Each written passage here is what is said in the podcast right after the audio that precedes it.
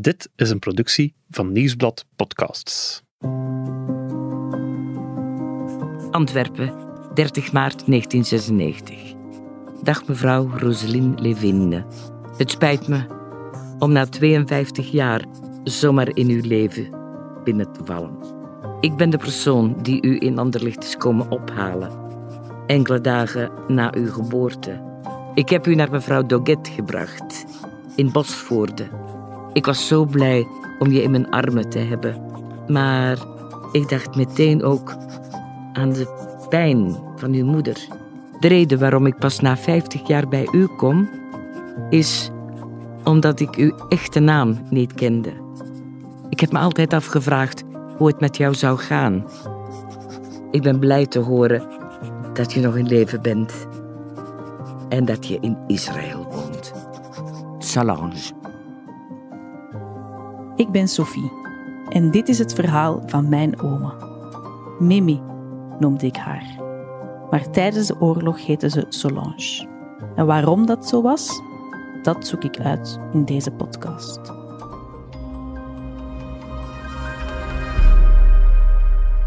Dag Sophie. Hey Bert. Sophie, laatste aflevering. We kennen intussen het verhaal van jouw oma. We weten dat ze enorm veel kinderen heeft gered tijdens de oorlog. En we weten ook dat ze er uiteindelijk eentje heeft teruggevonden zoveel jaar later. Ja, 52 jaar later. Ja. Rosalind Lewin of mevrouw Koenjetje uit ons zoekertje. Ja, eh, inderdaad. De vrouw uit het zoekertje. Je hebt haar nadien ook gecontacteerd. Je hebt Mhm. Rosalind Lewin gevonden, mevrouw Koenjet gevonden. En dat gaan we in deze aflevering ook eh, ja, behandelen. Hè. Het leven van die vrouw, die alles natuurlijk vanuit een heel ander standpunt heeft Ah ja, ze was piepjong. 9 mei 1944 is ze geboren, echt vlak voor het einde van de oorlog. Ja. Ehm, dus zij heeft alles op helemaal anders beleefd. Vanuit haar herinnering weet ze bijna niets meer. Hè? Nee. En ze is dan toch zelf nog op zoek gegaan naar haar verleden? Ja, niemand heeft het haar eigenlijk verteld. Van haar directe familie, dus ze is zelf op zoek gegaan naar hoe haar eerste kinderjaren zijn verlopen, maar dat was niet zo evident. En dat wil ik u hier laten horen.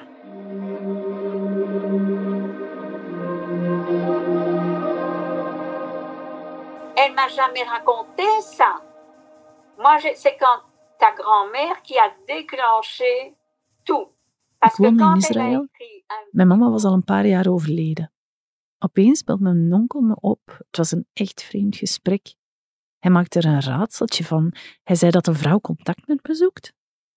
Ja, het is iemand die je heel goed kent. Ze kent je zelfs al van sinds je geboren bent. Het is een heel charmante vrouw. Dat zal je zien. Jullie zullen goed overeenkomen. Ik snapte er niks van. Ik was er zelfs wat verveeld door.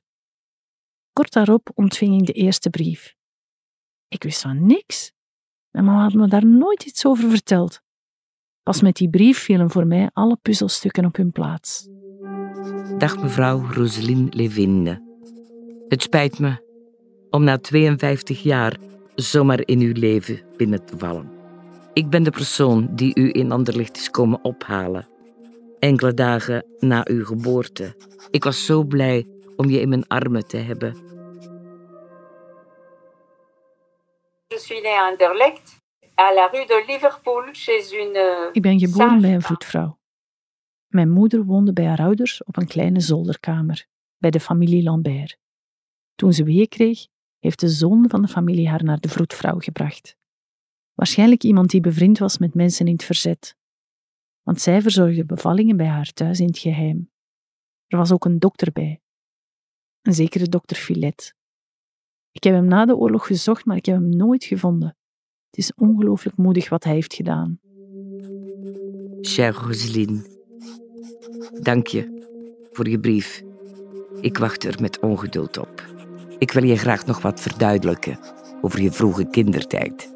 Toen ik je kwam halen, heeft een vrouw me jou gegeven. Dat was niet jouw mama.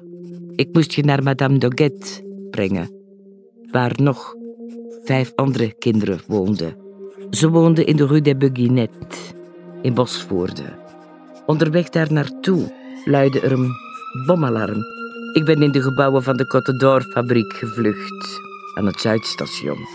Wanneer het alarm voorbij was, wist ik dat het moeilijk zou zijn om een tram te nemen. Ik heb daarom gebeld naar een man wiens telefoonnummer ik had gekregen. Als directeur van een gasbedrijf had hij een auto. Hij is mij met jou in mijn armen komen ophalen en heeft ons veilig en wel afgezet bij mevrouw Doget.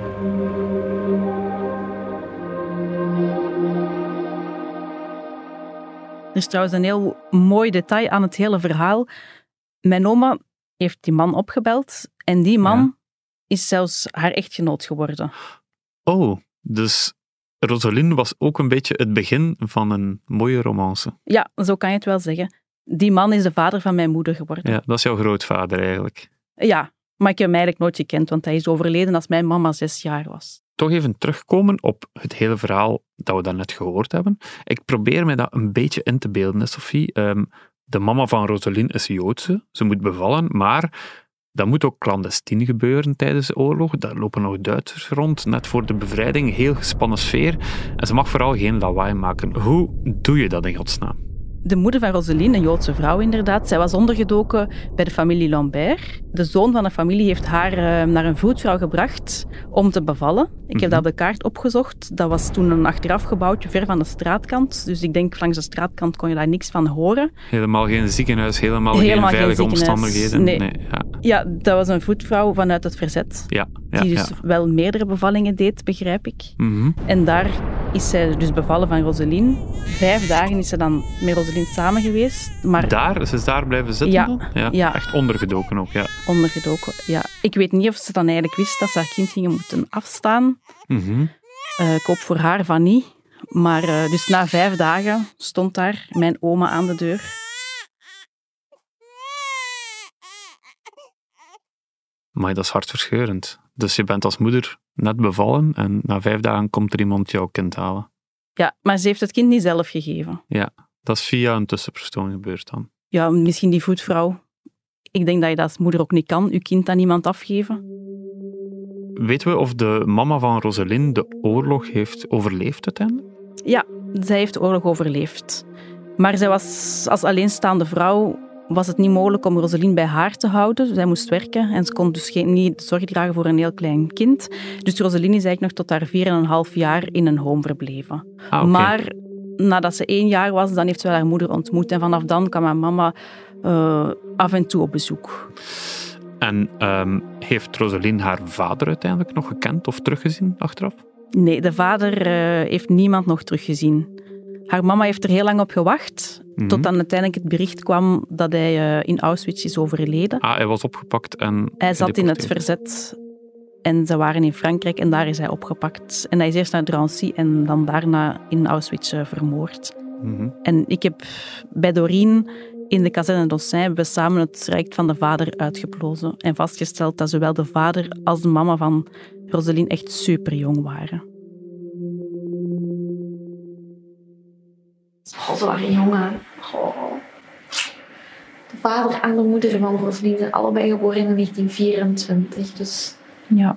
we waren echt heel, heel jong. Ga nog een keer kijken of ik iets over haar vader kan vinden. Ehm, de documenten die we nu gaan zien zijn eigenlijk steekkaartjes. Na de oorlog is de Belgische overheid op zoek gegaan naar de mensen die in België woonden en die verdwenen waren tijdens de oorlog. Dan hebben ze steekkaartjes opgemaakt. Ehm, dus er zijn ook zo van die steekkaartjes voor Aaron. En op zijn steekkaartjes staat... ehm, even kijken. Dus eh, Aaron Levin, geboren op 23 december 1924 In München. in München-Gladbach. Ja, dus hij was Duits. En hij is in 1940 vanuit Luxemburg naar België gekomen. Ehm even kijken, Aaron, ook wel Adi Ja, dat stond er net Ja. ook. Gedeporteerd vanuit Drancy op 7 oktober 1943 met transport 60. Eh, ja. ja, dus hij is zeker eh, gedeporteerd en vermoord. Hij heeft wel blijkbaar volgehouden dat zijn echte naam Albert Virion was. Want hij is onder die naam gedeporteerd vanuit Drancy. Ah ja. Eh, hij is dan in 52 is hij overleden verklaard.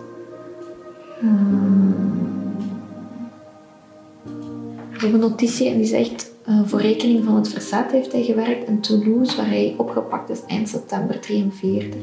Hij is naar Drancy gestuurd, daarna naar Auschwitz, waar hij is omgekomen.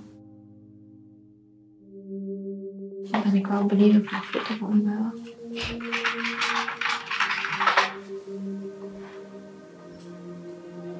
Voilà. Daar is ze. Ja, inderdaad, jong, hè? Heel jong, hè? Nog geen twintig toen hij gedeporteerd werd. Ah ja, hij heeft nooit geweten dat hij een kind had. Nee. Dus hij is gedeporteerd in oktober 43. En zij is geboren in mei Nee, 45. Dus, 44. eh, sorry, 44. Dus oktober, november, december, januari, februari, maart, april, mei. Ze was net een paar weken zwanger toen hij is, Ja. eh, is weggevoerd. Ja. Dat is zeer... Ja, hij gaat Ja. zelfs niet geweten hebben dat hij Ah, vader nee, ging nee, is worden. nee. Nee. Nee. Mhm.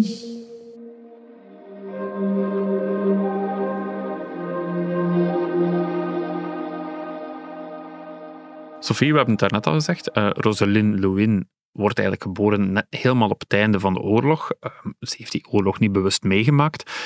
Hoe gaat het leven dan uiteindelijk verder voor haar? Roseline verblijft in een eh, home in Brusselse. Mhm. En pas op haar één jaar ongeveer, dan ontmoet ze haar moeder. Dat moet denk ik zeer raar zijn. Een vrouw die dan ineens voor je staat en zegt dat ze je mama is. Ja, Maar vanaf dan is haar mama haar wel regelmatig komen opzoeken. ja. Maar als alleenstaande vrouw eh, was het voor haar niet mogelijk om haar kind mee te nemen. En is ze pas op haar 4,5 jaar met haar mama mee naar huis gegaan.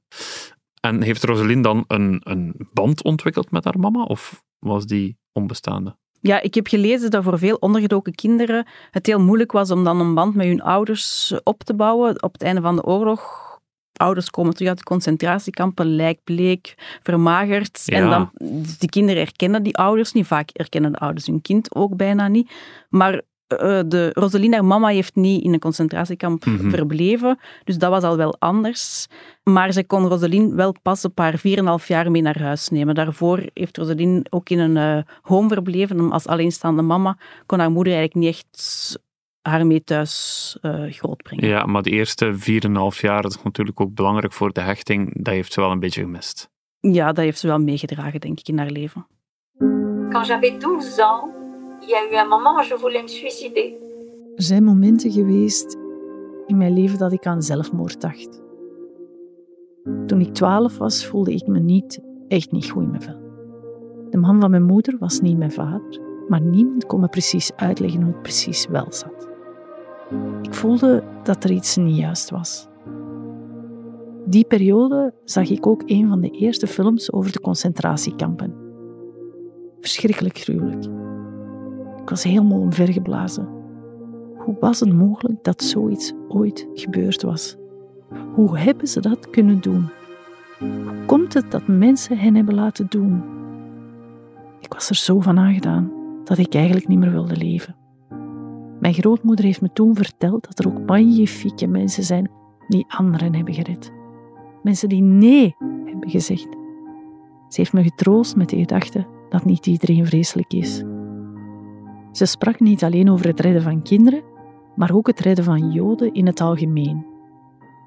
En dat die mensen, door anderen te redden, zichzelf in gevaar brachten. Zo iemand was Solange. Maar dat wist ik toen helemaal nog niet.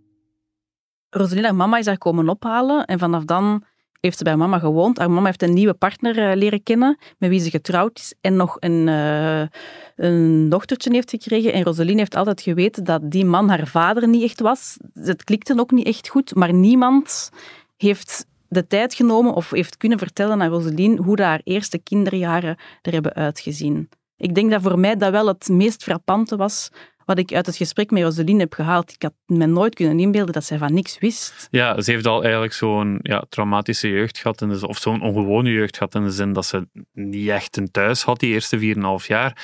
En het is daar nooit echt uitgelegd waarom. Nee, Ja. dat, dat kan ik niet vatten. Ja. Pas Eh. met een brief van mijn oma vallen voor haar al die puzzelstukjes in elkaar. ja, dat wil ik net vragen. Hoe komt ze dat wel te weten? Dat is echt pas op het moment dat jouw oma die brief stuurt. Dat is in 1996 zijn we dan. 52 jaar later. Ja, beeld u in dat je 52 jaar lang niks weet van uw, van uw eerste levensjaren. Ja. En dan op dat moment, in 1996, schrijft jouw oma een brief. Ehm, En dan gaat er een hele wereld voor haar open. Dat klopt. Antwerpen, 30 maart 1996. Dag mevrouw Roseline Levinde. Het spijt me om na 52 jaar zomaar in uw leven binnen te vallen. Ik ben de persoon die u in Anderlecht is komen ophalen. Enkele dagen na uw geboorte.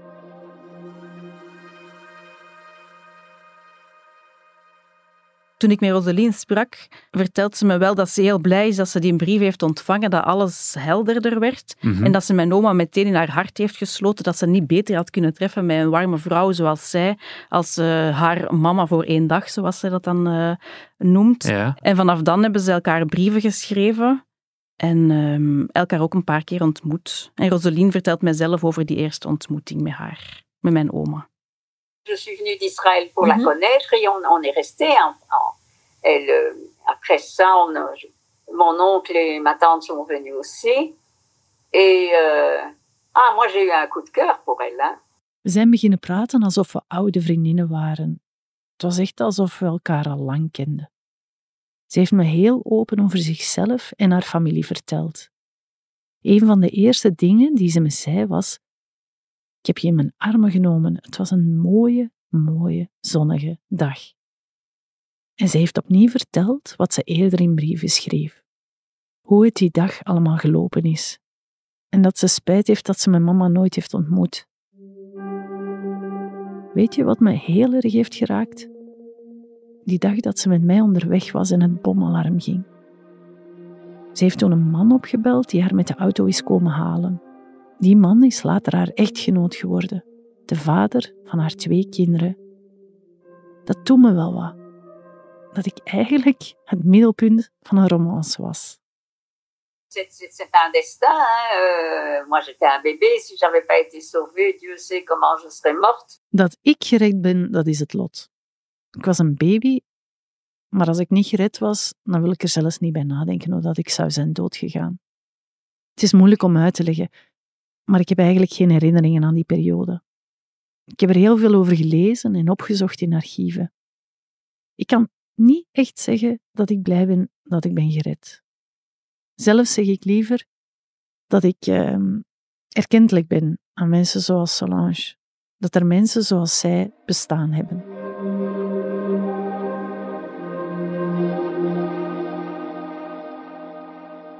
Ze hebben elkaar dus ontmoet, Sophie. Dat was ook in 1996? Of, Ja, eh, ze hebben elkaar ontmoet in Ja. 96. En waar is dat gebeurd? Want ja, Roseline woonde in Israël. Jouw oma Ja. woonde hier, in België. Ja, ze hebben elkaar hier in Brussel ontmoet. Ah, oké. Toen dat Roseline overkwam om eh, erbij te zijn toen mijn oma een erkenning kreeg voor haar oorlogsdaden. Dus jouw oma is zoveel jaar later uiteindelijk ook nog eens erkend voor haar daden. Ja, dat klopt. 9 januari 1997. Chère Roseline, het jaar 1996 is voorbij. Als ik terugdenk en de balans opmaak, dan is er één iets dat er uitspringt. En dat is dat ik jou heb teruggevonden. Je kan je niet voorstellen wat het betekent voor mij. Ik was jarenlang naar jou op zoek. Ik had gehoopt om ook jouw mama terug te vinden. Helaas, het is te laat. Eergisteren kreeg ik een brief van Yad Vashem. Daarin kondigde ze me aan dat ze me de titel Rechtvaardige onder de volkeren toekennen. Is dat geen heugelijk nieuws? Ik ben er heel fier over en wacht nu op de datum van de ceremonie. Solange. Sophie, in de brief staat er Yad Vashem. Wat is dat juist? Yad Vashem is een eh, Joodse organisatie die Joodse slachtoffers eh, van de Holocaust wil herdenken.